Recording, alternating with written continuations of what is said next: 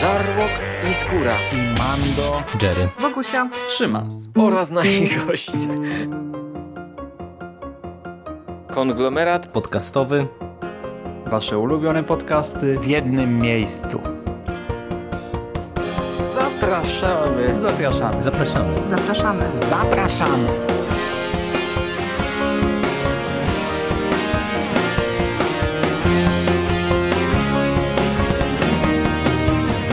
Witam w konglomeracie podcastowym, czyli na platformie, która zbiera wszystkie Wasze ulubione podcasty w jednym miejscu.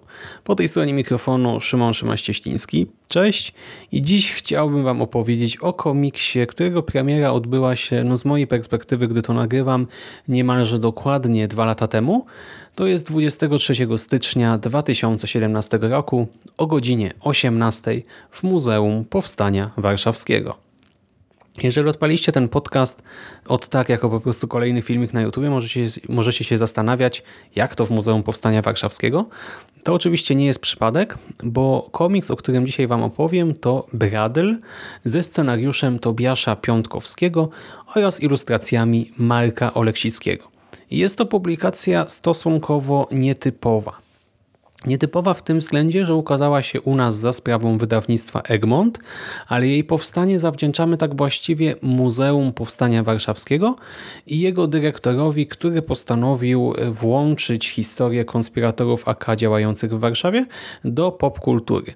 Ktoś spojrzał trzeźwo e, na to, że no, historię można promować na różne sposoby, w tym także przez e, media niekoniecznie właśnie jakoś z nią mocno kojarzone i postanowiono stworzyć komiks. Skontaktowano się z Piątkowskim, ten zapoznał się z informacjami na temat różnych powstańców i ostatecznie po lekturze życia niewłaściwie urozmaiconego, to jest takiej autobiografii Kazimierza Leskiego, e, wtedy e, to Piątkowski zdecydował się na napisanie tego właśnie scenariusza, scenariusza dla Bradla. Fabuła komiksu jest oczywiście fikcyjna, ale przedstawione wydarzenia opierają się na faktach historycznych.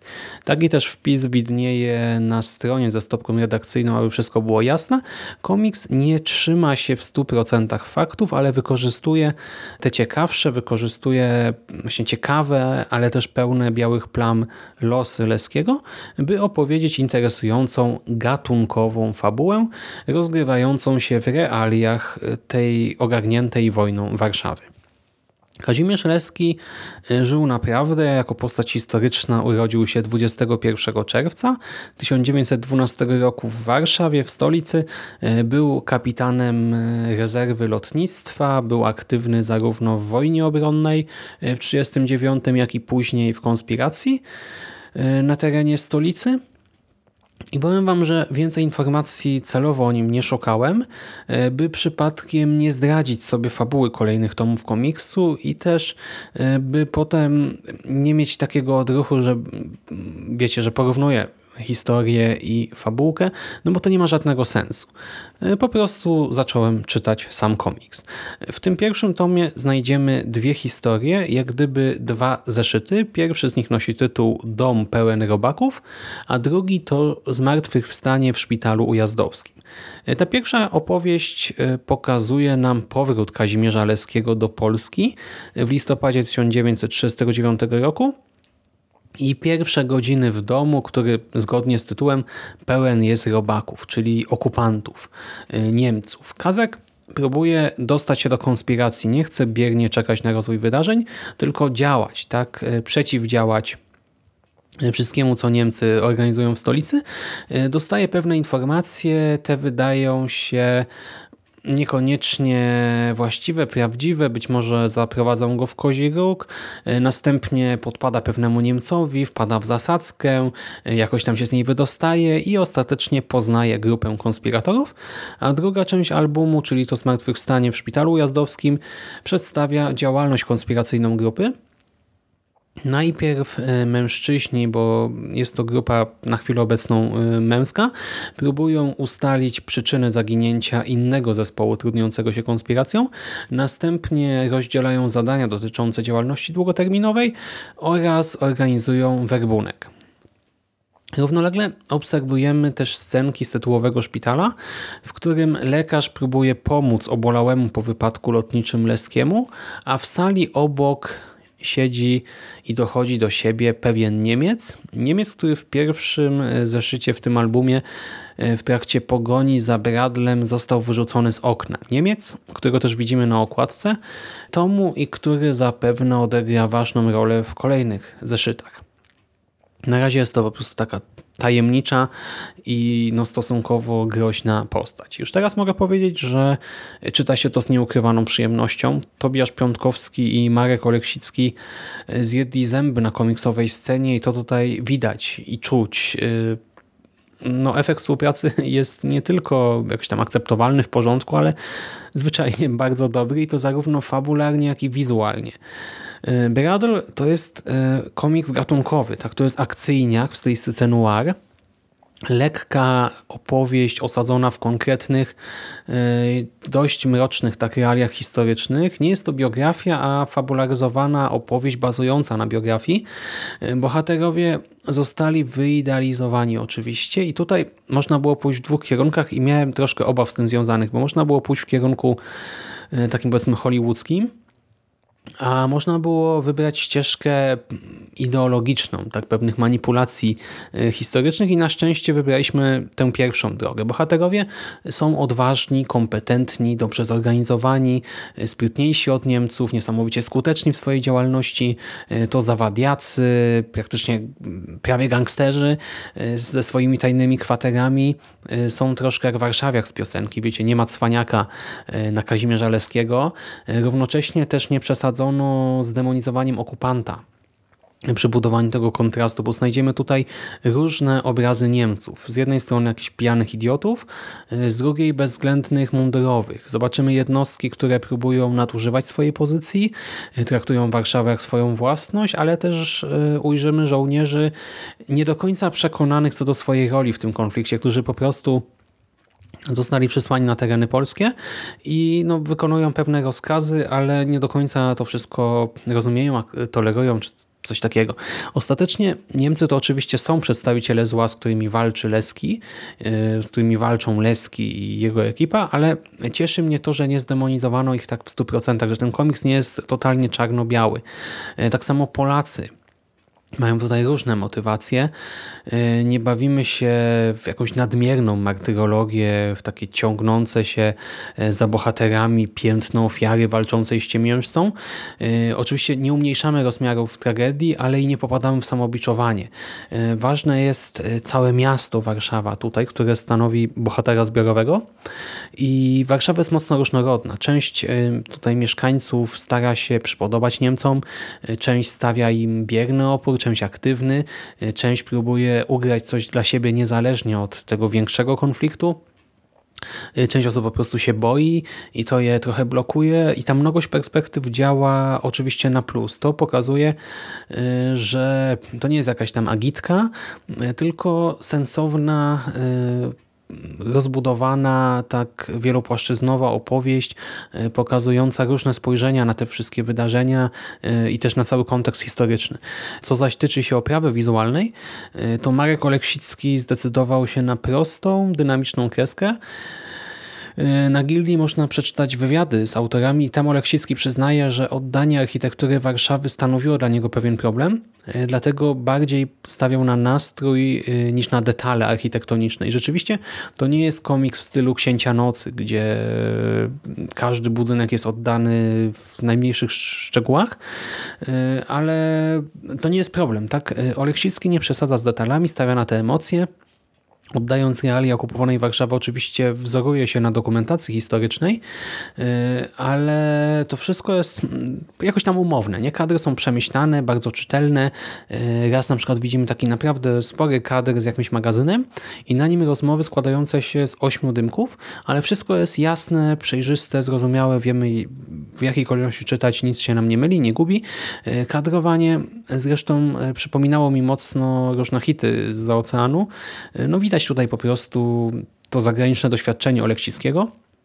Jedynie jeden dymek wydał mi się trochę dziwny. Yy, Chodzi o scenę egzekucji niejakiego Romka i hasło na ziemię. Kto czytał, to pewnie wie o co chodzi, ale poza tym to jest naprawdę przemyślana opowieść yy, z dobrze rozrysowaną, yy, przemyślaną narracją. I y, też, y, tak jak właśnie ta Warszawa jest y, trochę bardziej umowna, tak bohaterowie już się odróżniają od siebie, są bardzo charakterystyczni i też atrakcyjni wizualnie po prostu. Nie chodzi o to, że są przystojni czy coś takiego, tylko no, no wiecie o co mi chodzi, już nie będę się zapętlał. Jeszcze skoro już mówię o tym wszystkim i skoro to jest pierwszy podcast o komiksach z tego cyklu, to proszę dodatkową kwestię, która wydaje mi się dość istotna.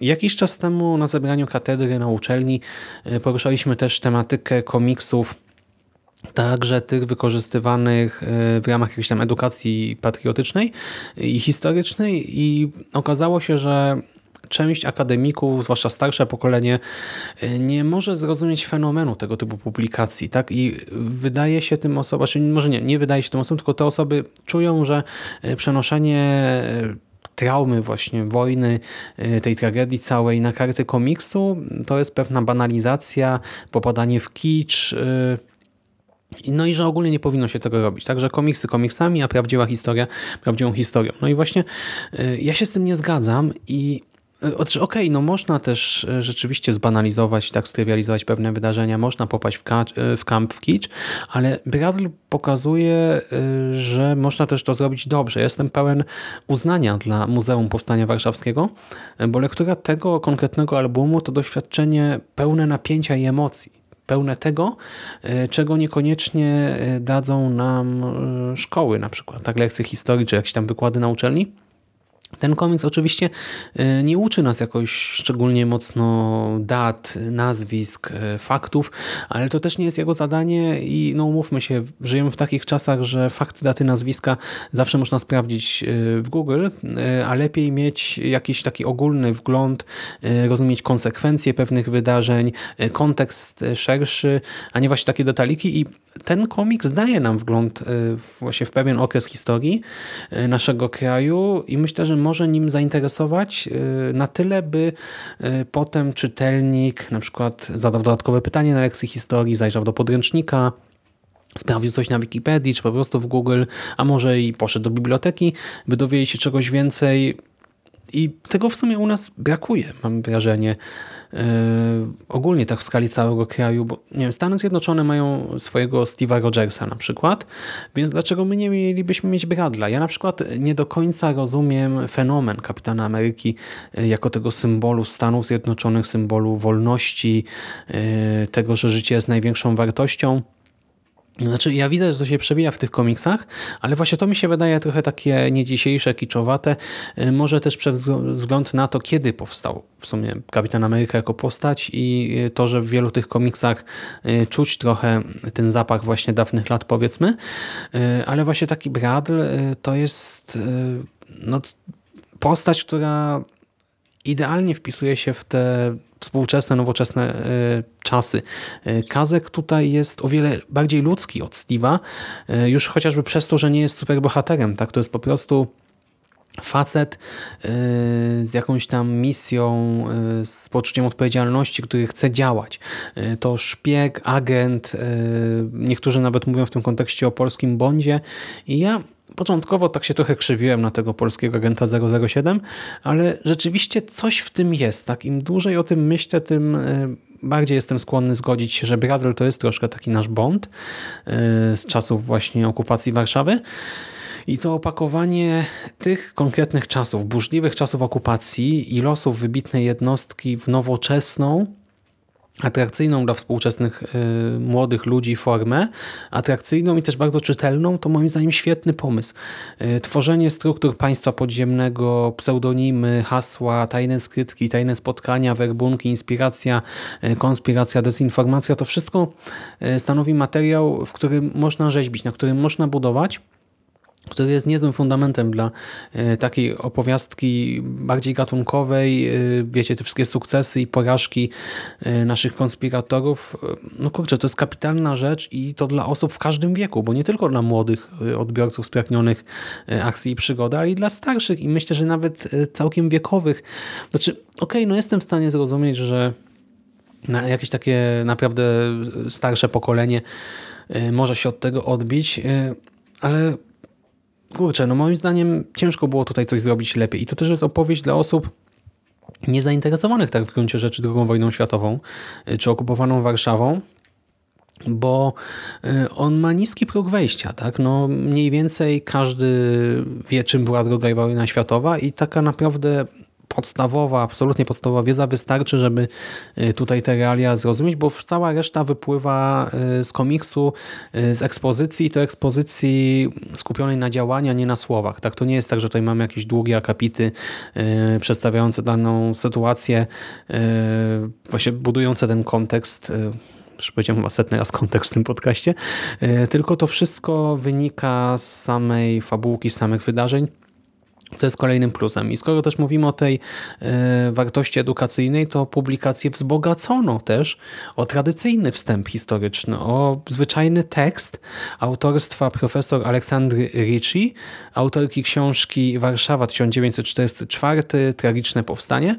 I przez chwilę tutaj też się obawiałem, że może e, to będzie przesada, że to będzie tekst e, gloryfikujący Polaków, narodową martyrologię, ignorujący kwestię żydowską, bo spotykam się z takimi publikacjami w naszym kraju niestety, ale tutaj na szczęście tak się nie stało. Wstęp jest merytoryczny, e, jest przystępnie całkiem napisany, nie jakoś nie wiem, ubogo, zbyt prosto czy coś takiego, ale jest przystępny myślę i ukazuje wojenną machinę oraz jej ofiary e, też z kilku perspektyw, więc kolejny wielki plus dla wydawcy i dla Muzeum Powstania Warszawskiego.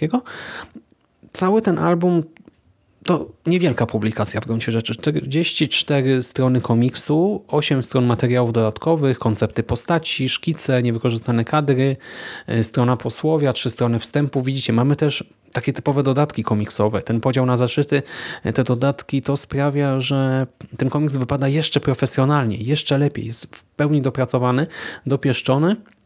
I to jest ładne wydanie. Dostajemy kredowy papier, y, komiks w kolorze, oczywiście okładkę, która jest częściowo lakierowana, więc też wygląda ślicznie i ten rysunek na okładce już sprawia dobre wrażenie. Y, I całość dostaniemy za okładkowe 30 zł, w sieci oczywiście za mniej więcej dwie dyszki. Cena biletu do kina moim zdaniem absolutnie warto. Y, Warto mieć to u siebie na półce, warto to jakoś dalej promować, podrzucać może też młodszym pokoleniom. Bo kurczę, no jeżeli coś takiego ich jakoś tam nie zainteresuje e, tą naszą historią, no to już naprawdę nie wiem, co może zadziałać. Właśnie nie jakieś tam e, głupawe filmy, jakie też ostatnimi czasy powstają, ale taka naprawdę ciekawa, dopracowana historia. Ja jestem ciekaw, jak to się dalej rozwinie. Na razie mamy trzy tomy na rynku, ja mam wszystkie tutaj obok siebie i po drugi pewnie zaraz, za chwilkę już sięgnę, potem po trzeci. E, Czwarty ma wyjść jakoś chyba na wiosnę tego roku, już nie pamiętam dokładnie, bo to chyba też ten termin został jakoś przesunięty. No ale na pewno do końca tego roku się ukaże y, i raczej prędzej niż później. No ja czekam i życzyłbym sobie, aby ta seria była rozwijana, może nie ciągnięta jakoś w nieskończoność, y, oczywiście, ale no by coś takiego w ogóle istniało na rynku. Jeżeli, nie wiem, Bral zostanie zakończony po tych czterech czy tam pięciu tomach, to aby muzeum poszło za ciosem i wydało jakąś inną podobną historię. Y, Jak nie to muzeum, to może jakieś inne. W końcu na pewno w całej naszej historii jest wiele ciekawych postaci, wiele ciekawych y, okresów, do których można by nawiązać.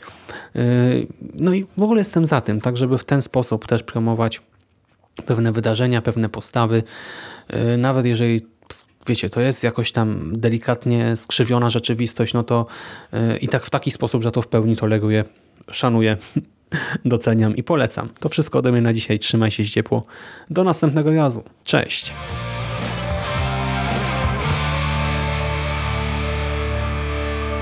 Finished? That's it, man. Game over, man. It's game over. What the fuck are we gonna do now? What are we gonna do? It's over. Nothing is over! Nothing! You just don't turn it off!